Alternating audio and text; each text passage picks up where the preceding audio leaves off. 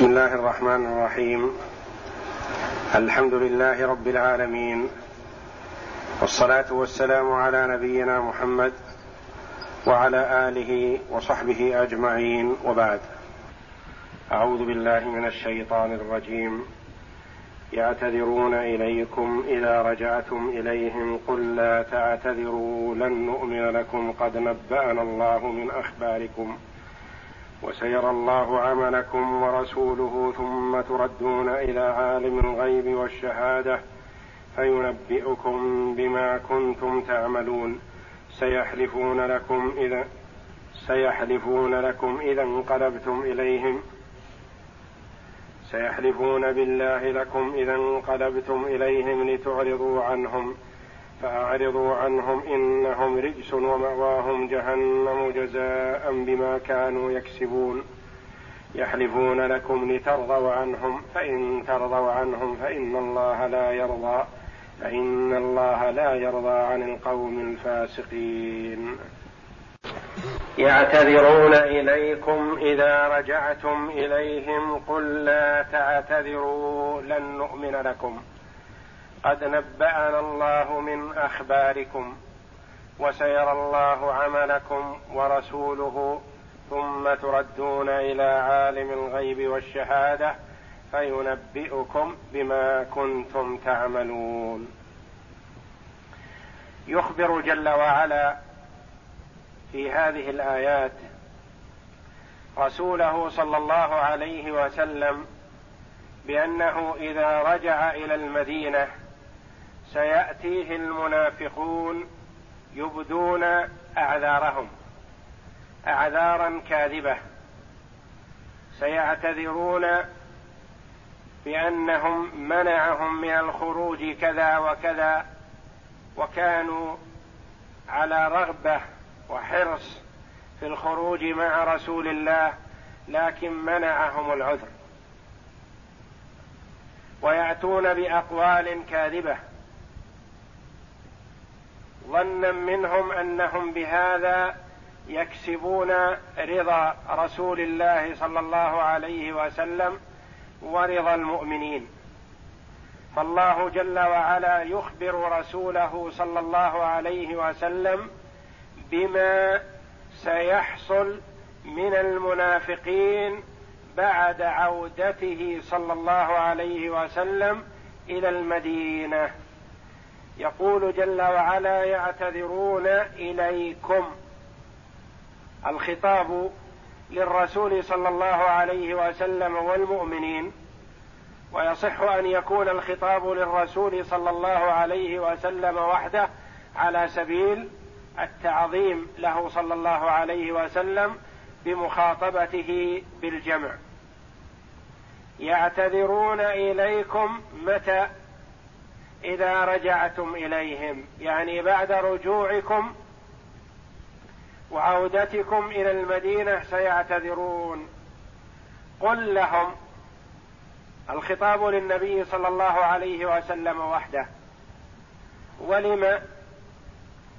لأنه صلى الله عليه وسلم هو الذي يتولى الإجابة في كل أمر يعرض للمؤمنين. هو يتولى صلى الله عليه وسلم الإجابة على ذلك. يعني قل لهم يا محمد لا تعتذروا. قل لهم لا تعتذروا. كأن قائلا يقول ولم لا يعتذرون؟ فعلل ذلك بقوله لن نؤمن لكم. كأن قائلا يقول ولم؟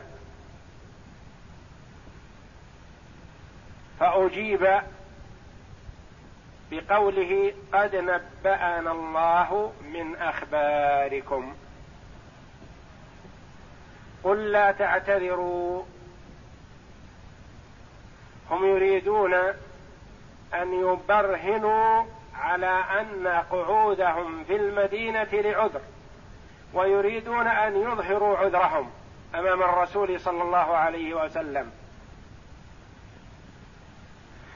الله جل وعلا يقول لرسوله صلى الله عليه وسلم قل لهم لا تعتذروا.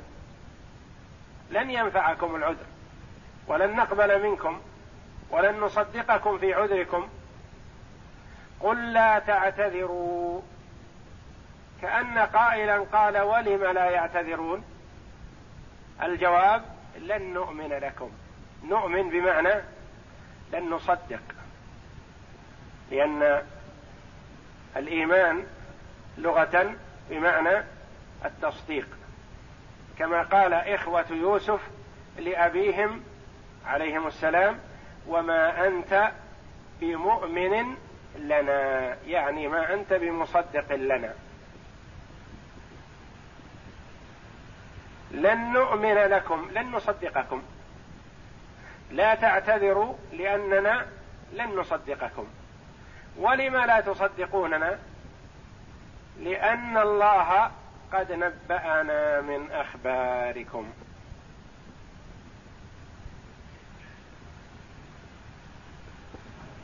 فكأن سائلا يسأل لما لا يعتذرون؟ فالتعليل لما؟ لأننا لن نصدق. تعليل للتعليل لم لا تصدقون؟ لأن الله قد نبأنا من أخباركم. فقوله لن نؤمن لكم هذه تعليل لما قبلها. وقوله قد نبأنا الله من أخباركم تعليل للتعليل. قد نبأنا الله يعني أخبرنا الله. بأحوالكم بأنه ما تخلف بكم إلا النفاق. ما تخلف بكم إلا النفاق وإلا لا عذر لكم. قد نبأنا الله يعني أخبرنا الله بأحوالكم. فهل نصدقكم في عذركم واعتذاركم أم نصدق ربنا جل وعلا؟ إذا كذبكم الله في اعتذاركم فلن نصدقكم. قد نبأنا الله من أخباركم. هم سيقولون من ضمن اعتذارهم بأننا لن نتخلف عنكم في المستقبل وأننا سنبذل جهدنا في نصرة دين الله. وأننا سنسعى جاهدين فيما فيه مصلحة.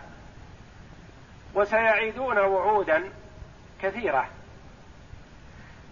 ما موقفكم أيها المؤمنون من هذه الوعود؟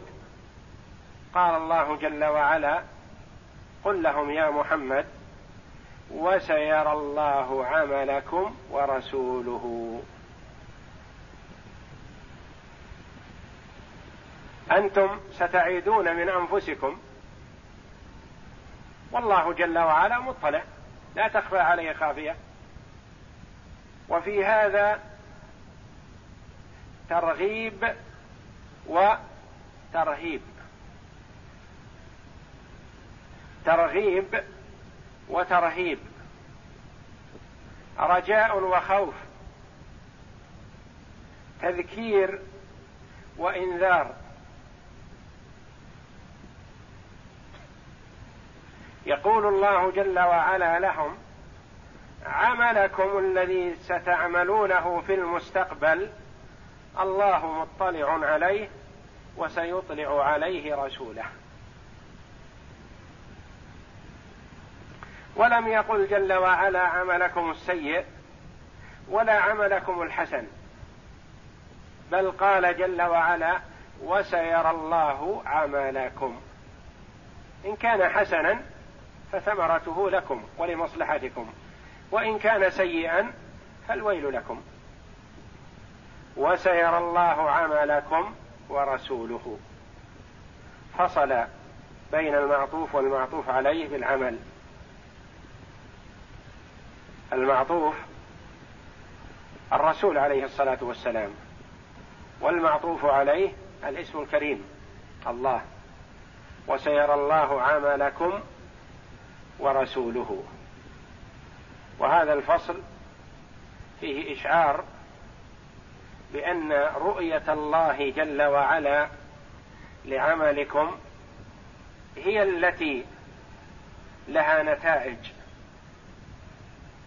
خير أو شر. ورؤية رسوله صلى الله عليه وسلم تابعة لرؤية الله وليست استقلالا الرؤية التي يترتب عليها الثواب أو العقاب هي رؤية الله جل وعلا للعمل إن كان خيرا أثاب صاحبه وإن كان شرا عاقبه. ورؤية رسوله صلى الله عليه وسلم تابعة لرؤية الله لأن الله جل وعلا هو الذي يطلع رسوله صلى الله عليه وسلم على ما في ضمائرهم هو الذي يطلعه على ما في قلوبهم. وإلا فهم في الظاهر إذا أتوا إلى الرسول صلى الله عليه وسلم قد لا يفرق بينهم وبين المؤمنين في الظاهر. وهم يحيون الرسول عليه الصلاة والسلام بتحية لا يفهم منها البغضاء والكراهية للرسول صلى الله عليه وسلم.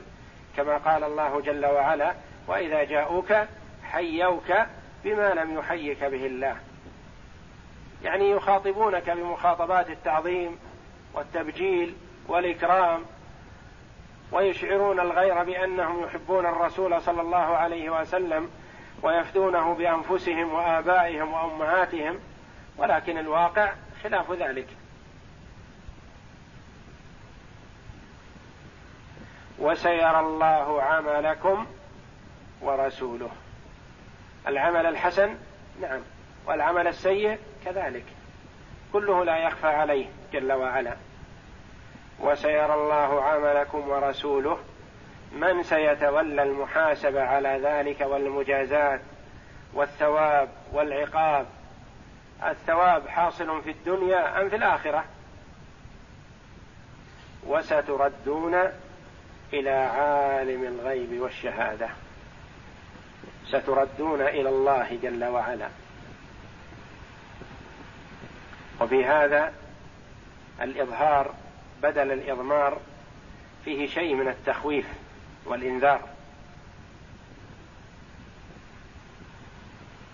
لأنه ممكن أن يؤتى بالضمير. وسيرى الله عملكم ورسوله ثم تردون إليه.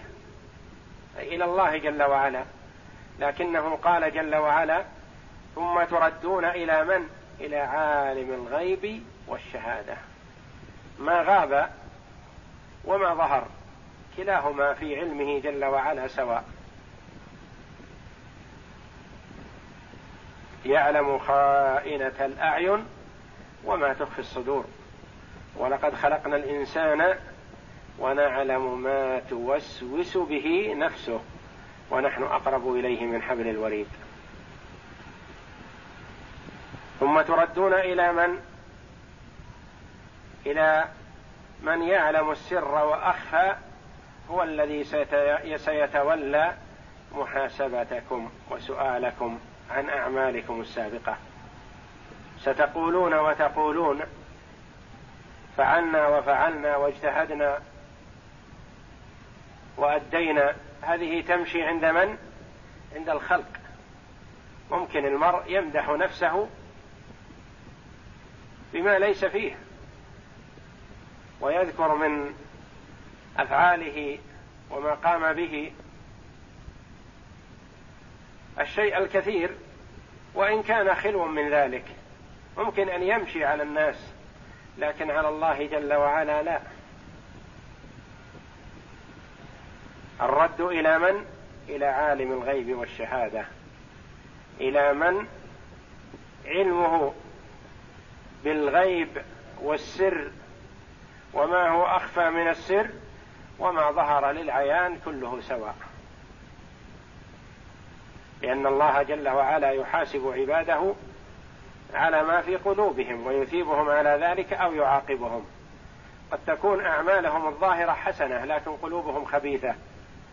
فيعاقبهم على ما في قلوبهم جل وعلا ولا يثيبهم على ما على أعمالهم الظاهرة. لأن أعمالهم الظاهرة كانت للخلق فيقول الله جل وعلا لهم اذهبوا إلى من كنتم تراءونه فخذوا جزاءكم. وهو جل وعلا له ما في القلب. وقد يكون العمل بين الناس يظنون أن فلان مقصر أو مخطئ أو يصفونه بأوصاف هو بعيد منها وهو مخلص مع ربه جل وعلا ناصح. يقول الحق وإن كان مرا يقول الحق وإن كان على نفسه. لا يخاف في الله لومة لائم فالله جل وعلا يثيبه على ذلك. وإن مقته الكثير من الناس. الكثير من الناس من هذه صفته قالوا فلان لا يستحي أو لا يجامل أو لا يساير الناس أو لا يستطيع أن يعايش مع الناس. يصفونه بأوصاف كثيرة. إذا كان صريح قوي في الحق لا تأخذه في الله لومة لائم. يقول الحق وإن كان مرا يقوله وإن كان على قريبها أو على نفسه فالناس قد يمقتونه في هذه الخصلة ويسبونه والحق أنه مخلص مع الله جل وعلا لا يبالي بالخلق وإنما يخاف الله جل وعلا ويقول ما تبرأ به ذمته وما يخلصه بين يدي ربه جل وعلا. فالله جل وعلا يحاسب المنافقين على ما في قلوبهم كما يحاسب المؤمنين على ذلك جل وعلا.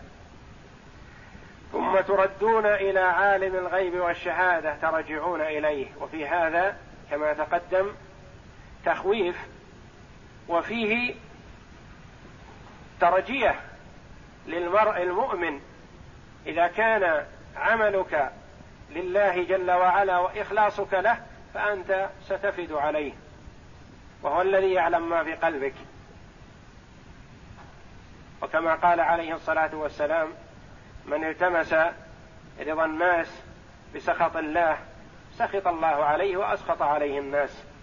ومن التمس رضا الله بسخط الناس رضي الله عنه وأرضى عنه الناس.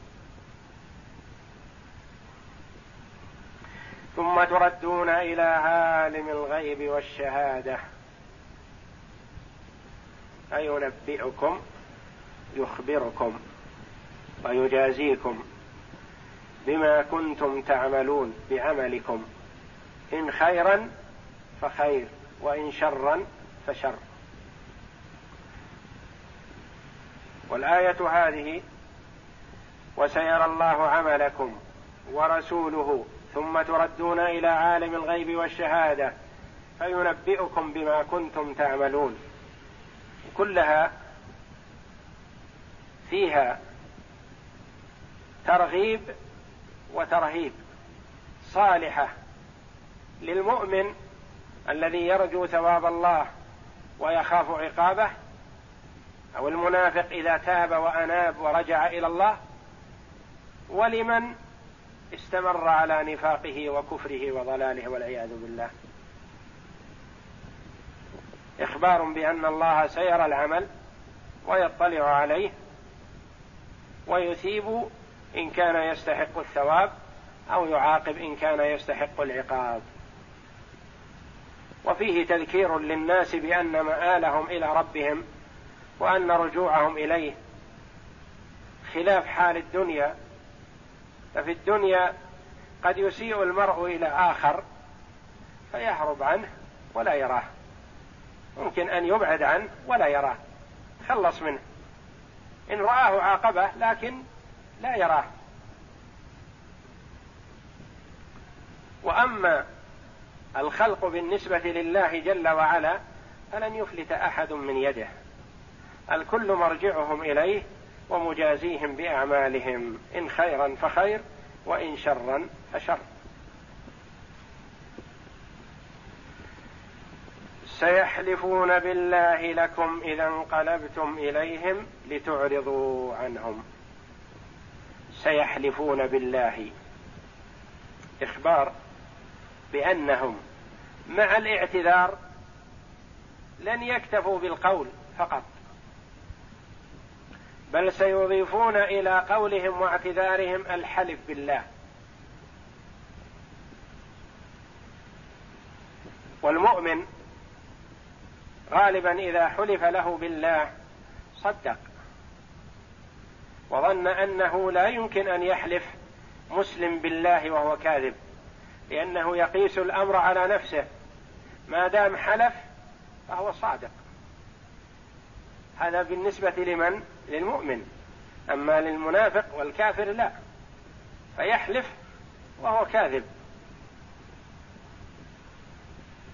يأخذون ذلك من شيخهم وقدوتهم. إبليس لعنه الله. أما حلف للأبوين بأنه لهم من الناصحين وهو غاش مخادع أراد منهم أن يقعا في معصية الله. وهؤلاء كذلك يقول الله جل وعلا سيحلفون بالله لكم. فلا تصدقوهم. لو حلفوا بالله لأنهم منافقون. كذبة متى سيكون حلفهم بالله؟ إذا انقلبتم إليهم إذا رجعتم إليهم وعدتم إلى المدينة. مستعدون بالأيمان الكاذبة فلا يصدق كل حالف. سيحلفون بالله لكم إذا انقلبتم إليهم لتعرضوا عنهم من أجل أن تعذروهم. وتعرضوا عن لومهم وتوبيخهم. فأعرضوا عنهم. ما المراد بالإعراض الأول والإعراض الثاني؟ بينهما فرق.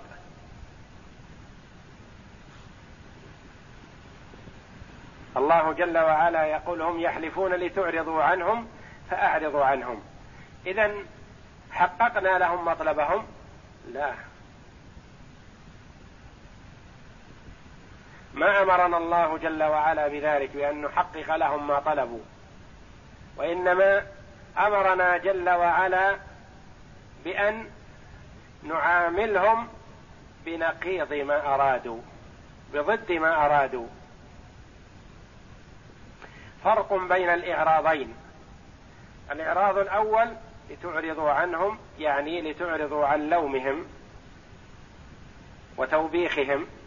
يقول الله جل وعلا فأعرضوا عنهم اتركوهم ولا تجالسوهم ولا تحادثوهم ولا تجتمعوا معهم لأنهم رجس نجس.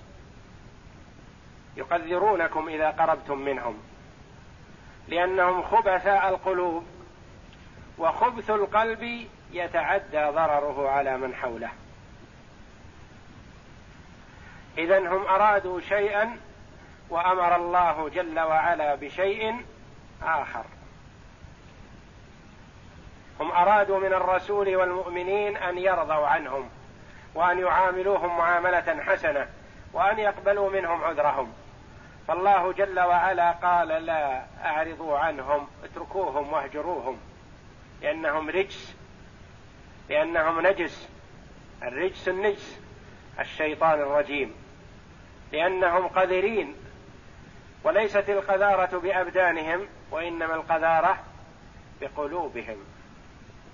وقذارة القلب أشد بكثير من قذارة البدن.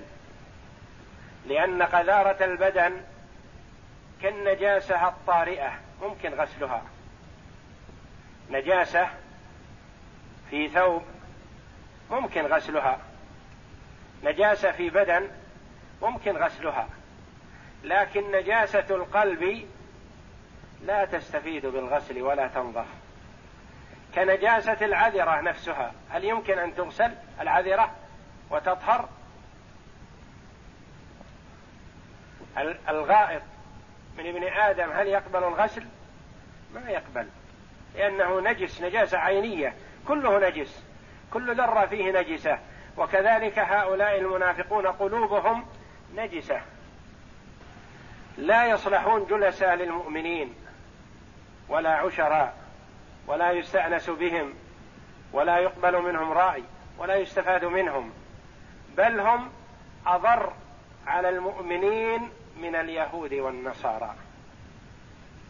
وهذه حال المنافقين من قديم الزمان إلى اليوم.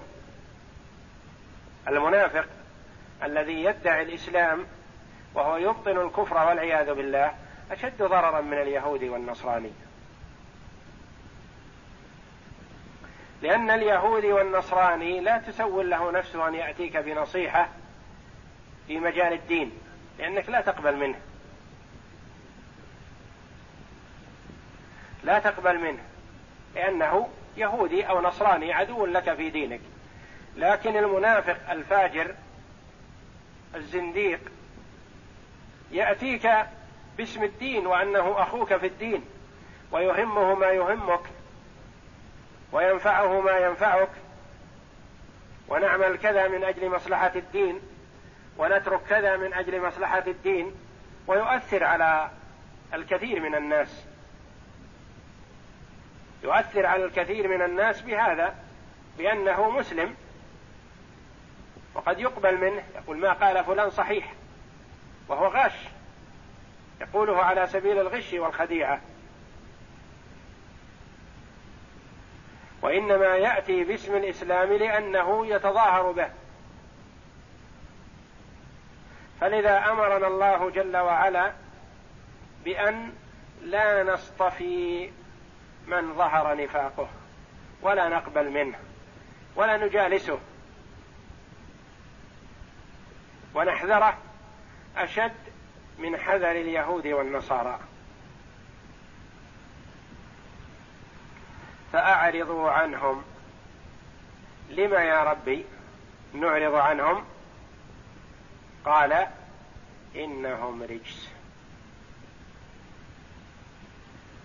إنهم رجس. والرجس النجس. وهل هذه نجاسة تقبل الغسل والتطهير؟ لا لما؟ لأنها نجاسة وين؟ في القلب نجاسة القلب لا تقبل لا بالتوبة والرجوع إلى الله والندم وإذا تاب تاب الله عليه ما لم يغرغر إنهم رجس ومأواهم جهنم مآلهم ومصيرهم ومرجعهم في الدار الآخرة جهنم والعياذ بالله.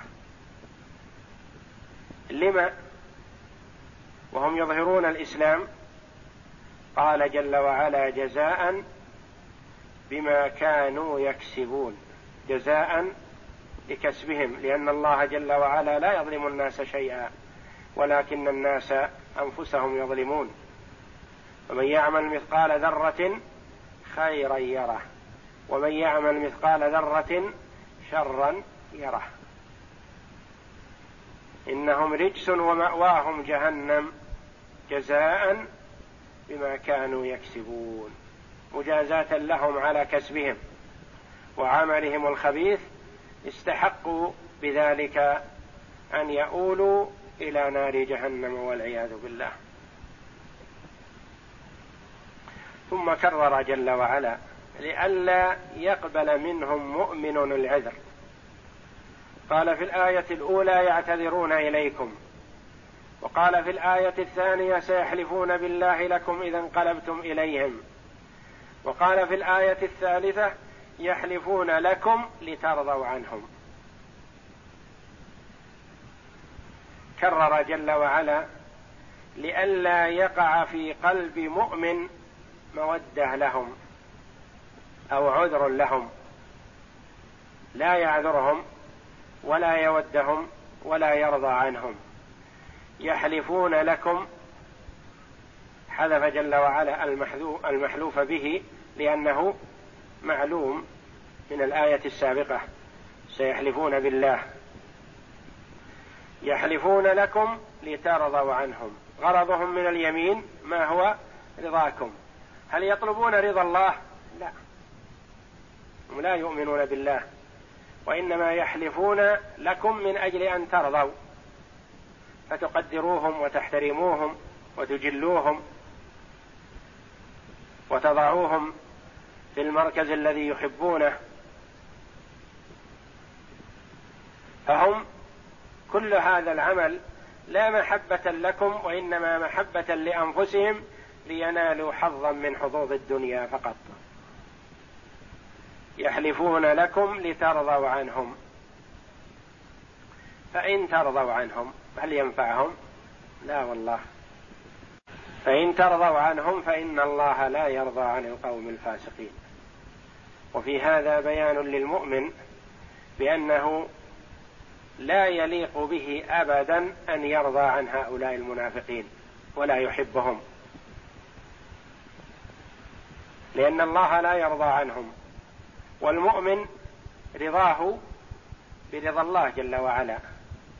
وسخطه ويحب لله ويبغض في الله. وكما ثبت في الحديث أوثق عرى الإيمان الحب في الله والبغض في الله.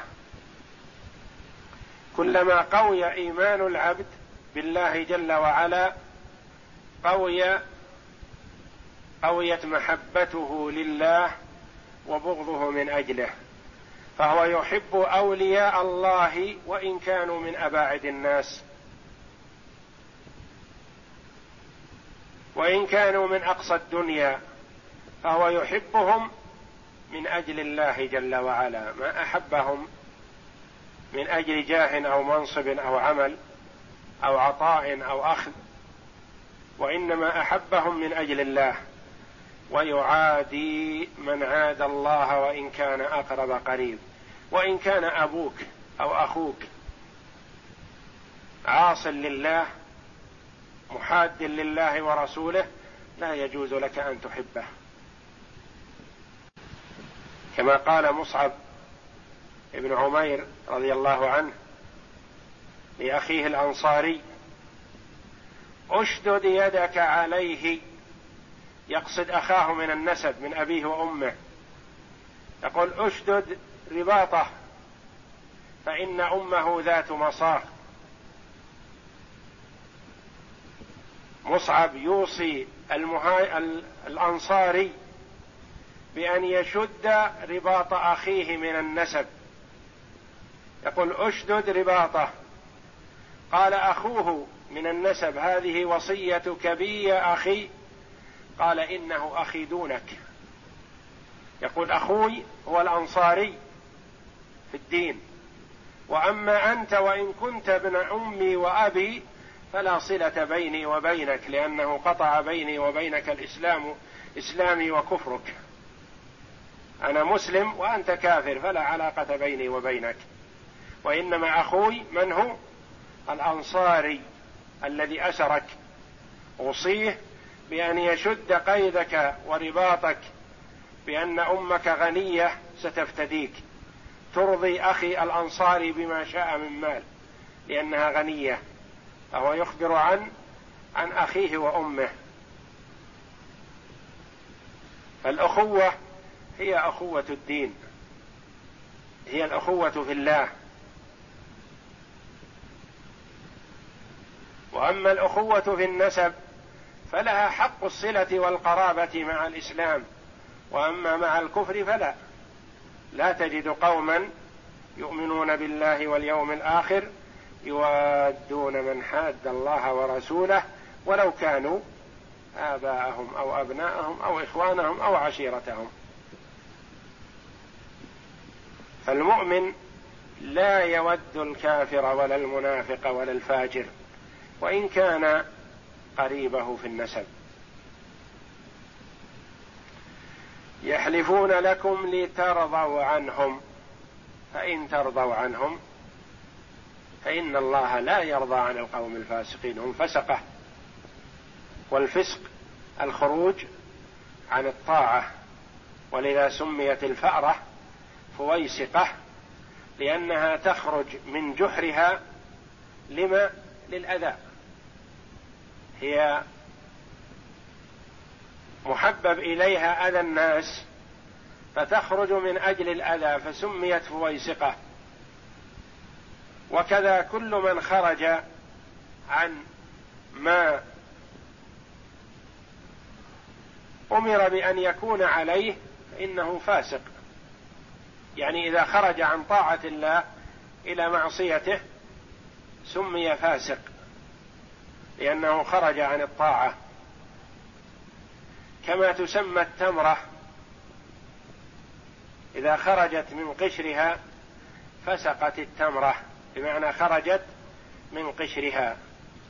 فخروج الشيء من الشيء لغة يسمى فسق. وإذا خرج عما هو مأمور به سمي فاسقا بالتعريف بالفسق الشرعي.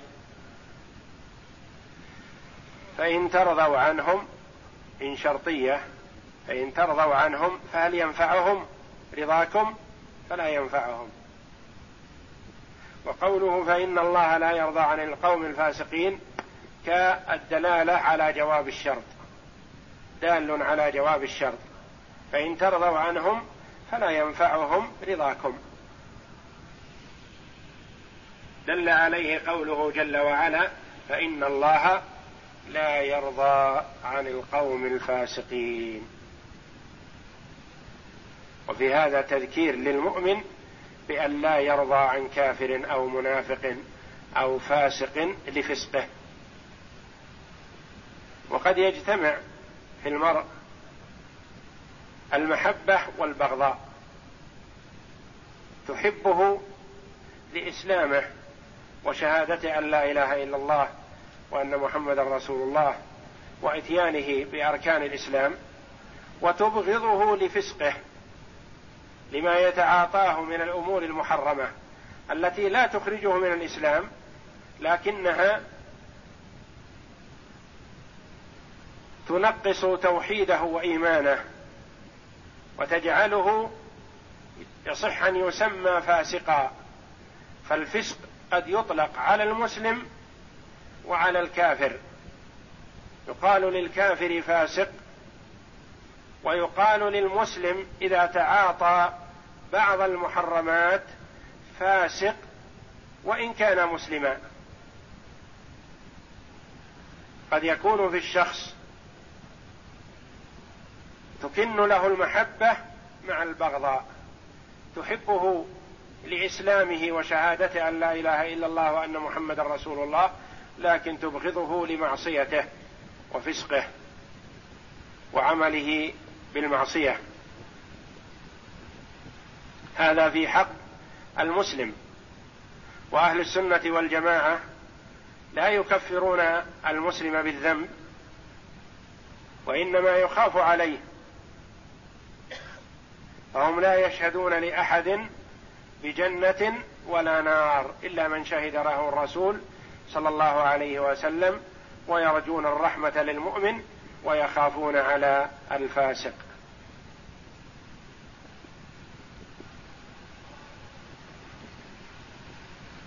فالفسق قد يطلق على المسلم الذي يتعاطى بعض الكبائر وإن كان يشهد أن لا إله إلا الله وأن محمدا رسول الله ويؤدي أركان الإسلام وهذا يقال له فسق غير مخرج من الملة.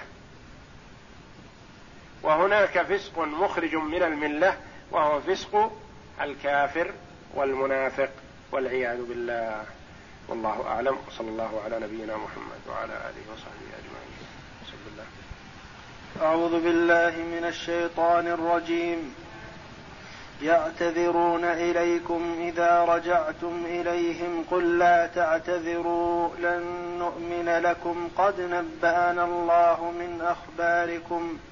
وسيرى الله عملكم ورسوله ثم تردون إلى عالم الغيب والشهادة فينبئكم بما كنتم تعملون. سيحلفون بالله لكم إذا انقلبتم إليهم لتعرضوا عنهم فأعرضوا عنهم إنهم رجس ومأواهم جهنم جزاء بما كانوا يكسبون. يحلفون لكم لترضوا عنهم فإن ترضوا عنهم فإن الله لا يرضى عن القوم الفاسقين. قال العماد بن كثير رحمه الله تعالى أخبرنا تعالى عن المنافقين بأنهم إذا رجعوا إلى المدينة أنهم يعتذرون إليهم. قل لا تعتذروا لن نؤمن لكم. أي لن نصدقكم قد نبأنا الله من أخباركم أي قد أعلمنا الله أحوالكم وسيرى الله عملكم ورسوله. أي سيظهر أعمالكم للناس في الدنيا ثم تردون إلى عالم الغيب والشهادة فينبئكم بما كنتم تعملون. أي فيخبركم بأعمالكم خيرها وشرها ويجزيكم عليها ثم أخبر عنهم أنهم سيحلفون لكم معتذرين لتعرضوا عنهم فلا تؤنبوهم فأعرضوا عنهم احتقارا لهم إنهم رجس اي أي خبث أي خبث خبث نجس أي خبث نجس بواطنهم واعتقاداتهم ومأواهم في آخرتهم جهنم جزاء بما كانوا يكسبون. أي من الآثام والخطايا. وأخبر أنهم إن رضوا عنهم بحل بحلفهم لهم فإن الله لا يرضى عن القوم الفاسقين أي الخارجين عن طاعة الله وطاعة رسوله. فإن الفسق هو الخروج ومنه سميت الفأرة فويسقة لخروجها من جحرها للإفساد. ويقال فسقت الرطبة إذا خرجت من أكمامها.